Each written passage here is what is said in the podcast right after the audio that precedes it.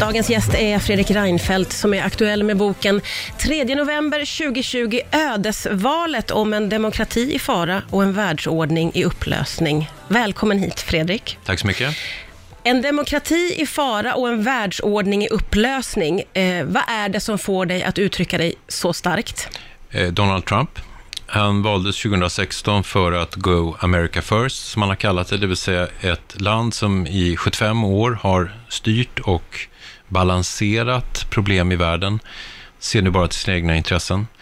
Och en man som alldeles uppenbart eh, utmanar den amerikanska demokratin och konstitutionen mm. för att liksom pressa mer makt till sig och inte respektera domstolar, fria medier och andra aktörer.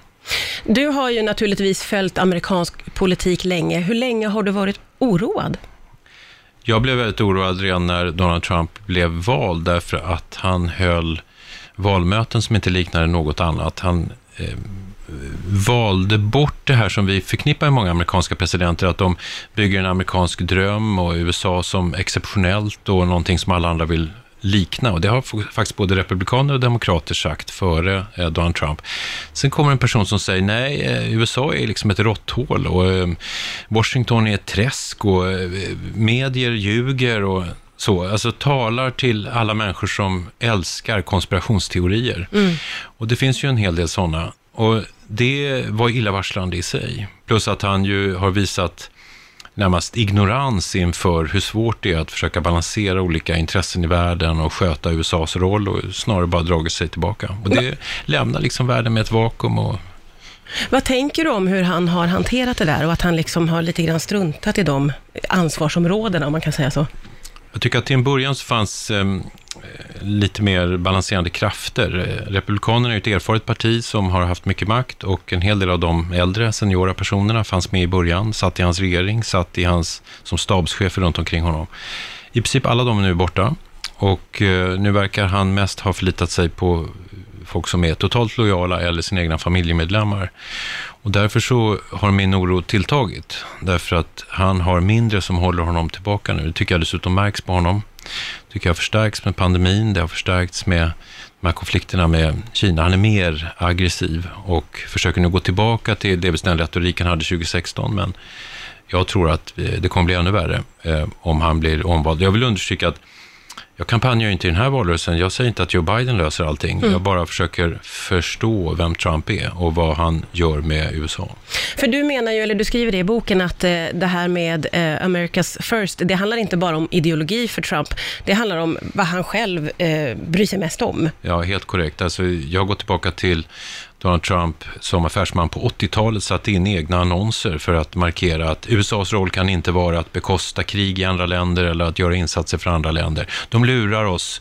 Eh, vi måste sluta vara så naiva, sluta låta världen lura oss. Det har han tyckt sedan 80-talet. Mm. Så att i den meningen låtsas han inte. Och det märks också. Han, han tror inte på öppen frihandel som trots allt världen har byggt sitt välstånd kring, utan han tror på deals, som han kallar det. Det vill säga, jag ska använda min amerikanska styrka för att om jag köper något av er så ska ni köpa amerikanska sojabönor. Mm. Och sen ska jag berätta för alla att I fixed it. Och det sättet att tänka, det är liksom gammeldags. Mm. Det, det är inte så vi har byggt världshandeln. Det blir störningar, det blir inte regelbaserat, det blir inte fri konkurrens, utan det blir kopplat till enskilda personer, vilket alltid öppna för korruption. Mm. Eh, hur kommer världen att se ut, tror du, eh, Fredrik, om Donald Trump får sitta en mandatperiod till? Jag tror att den känsla vi har av att det är rörigt, att eh, vi har svårt att hantera konflikter i världen, den kommer förstärkas. Att vi har haft ett sätt att leva med varandra som går ut i någon sorts, nu är det mer osäkert. Och det beror inte bara på Donald Trump, utan det beror på att vi lever i en tid där sådana auktoritära populister styr stora delar av världen. Vid sidan av Donald Trump har vi Xi Jinping i Kina, Vladimir Putin i Ryssland, Bolsonaro i Brasilien, mm. Erdogan i Turkiet. Jag skulle kunna fortsätta en stund mm. till. Mm. Och de ursäktar varandra eh, och de är dessutom ledare för folkrika nationer. Så att vi har liksom tappat bort det här att är man stor måste man vara snäll och bidra till att få världen att fungera bättre. Nu har vi istället är man stor då kan man mobba andra och skapa fördelar och i princip göra vad man vill. Mm. Eh, men vad, vad, tänker du skulle kunna, om du ser framför dig att det är Joe Biden som istället då får ta över de kommande fyra åren, mm. på vilket sätt skulle det förändra, tänker du? Dels är jag övertygad om att Joe Biden kommer att återföra USA in i klimatansträngningarna, Parisavtalet, satsa mer på att trots allt samarbeta med andra. Sen ska vi vara ärliga och säga att Joe Biden har presenterat ett program som liknar lite grann det här med att America first och protektionism och vi ska satsa på jobben i USA som jag inte tycker är så bra. Och sen är naturligtvis Joe Biden delvis ett fortfarande ett oskrivet kort. Han var ju vicepresident till Barack Obama, han är en erfaren utrikespolitiker, han vet väldigt mycket hur de här utmaningarna ser ut.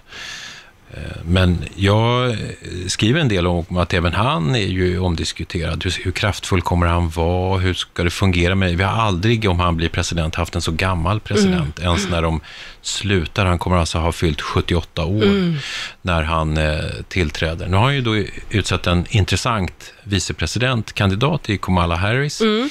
som eh, är, är, ung, vill jag gärna säga, för hon är nämligen ett år äldre än vad jag är. Så jag tycker det är Då säger vi ung. Jag, tycker det. det är perfekt att ja. säga att hon är ung. Ja. Eh, och eh, det är väldigt intressant, för det är en del som underskattar den här vicepresidentrollen. Vi har alltså nio presidenter i den amerikanska historien, bara haft 45. Nio stycken som var vicepresidenter innan de blev presidenter. Ja, presidenterna många. dog alltså, och, ja. eller, eller, som Richard Nixon avgick. Så det ska man inte underskatta. Nej, nej verkligen. Du har ju eh, fördjupat dig i hur den amerikanska demokratin fungerar. Vad är din analys av den? Den bygger på en konstitution, det tror jag många som har sett amerikanska filmer kan vittna ja. om, eh, är hyllad och fantastisk och the founding fathers som de kallar grundarfäderna. Den var väldigt modern när den skrevs 1787. Eh, Men den har dammat till sig lite. Jag skulle säga att en hel del av problemen vi har med valsystemet, att de har ett komplicerat elektorskollegium mm. som väljer president snarare än att det är ett direktval. Att eh, de har väldigt mycket registreringsregler för att få rösta och att de har hittat på massvis med konstigheter i hur de utformar sina valkretsar har gjort att eh, det är väl så viktigt att förstå att det är själva valsystemet i sig som krånglar till det. Mm. Som gör det svårt att rösta, som gör att det inte blir fullt genomslag för folkviljan.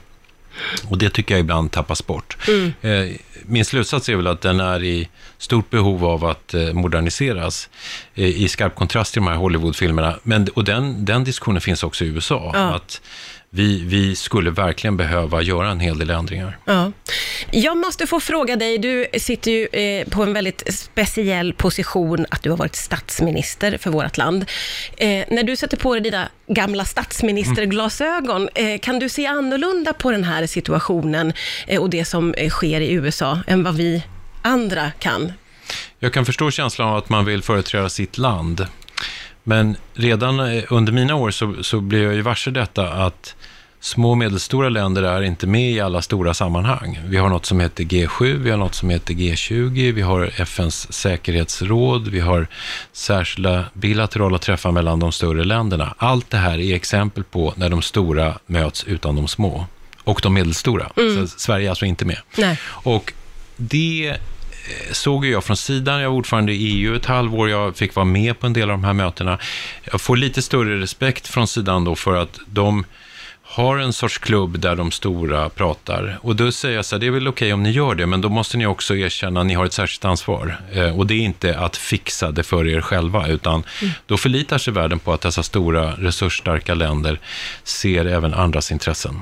Och i historien har vi många exempel på att det har fungerat, men vi har tyvärr i nutid väldigt många exempel på att de inte riktigt lever upp till det. Mm.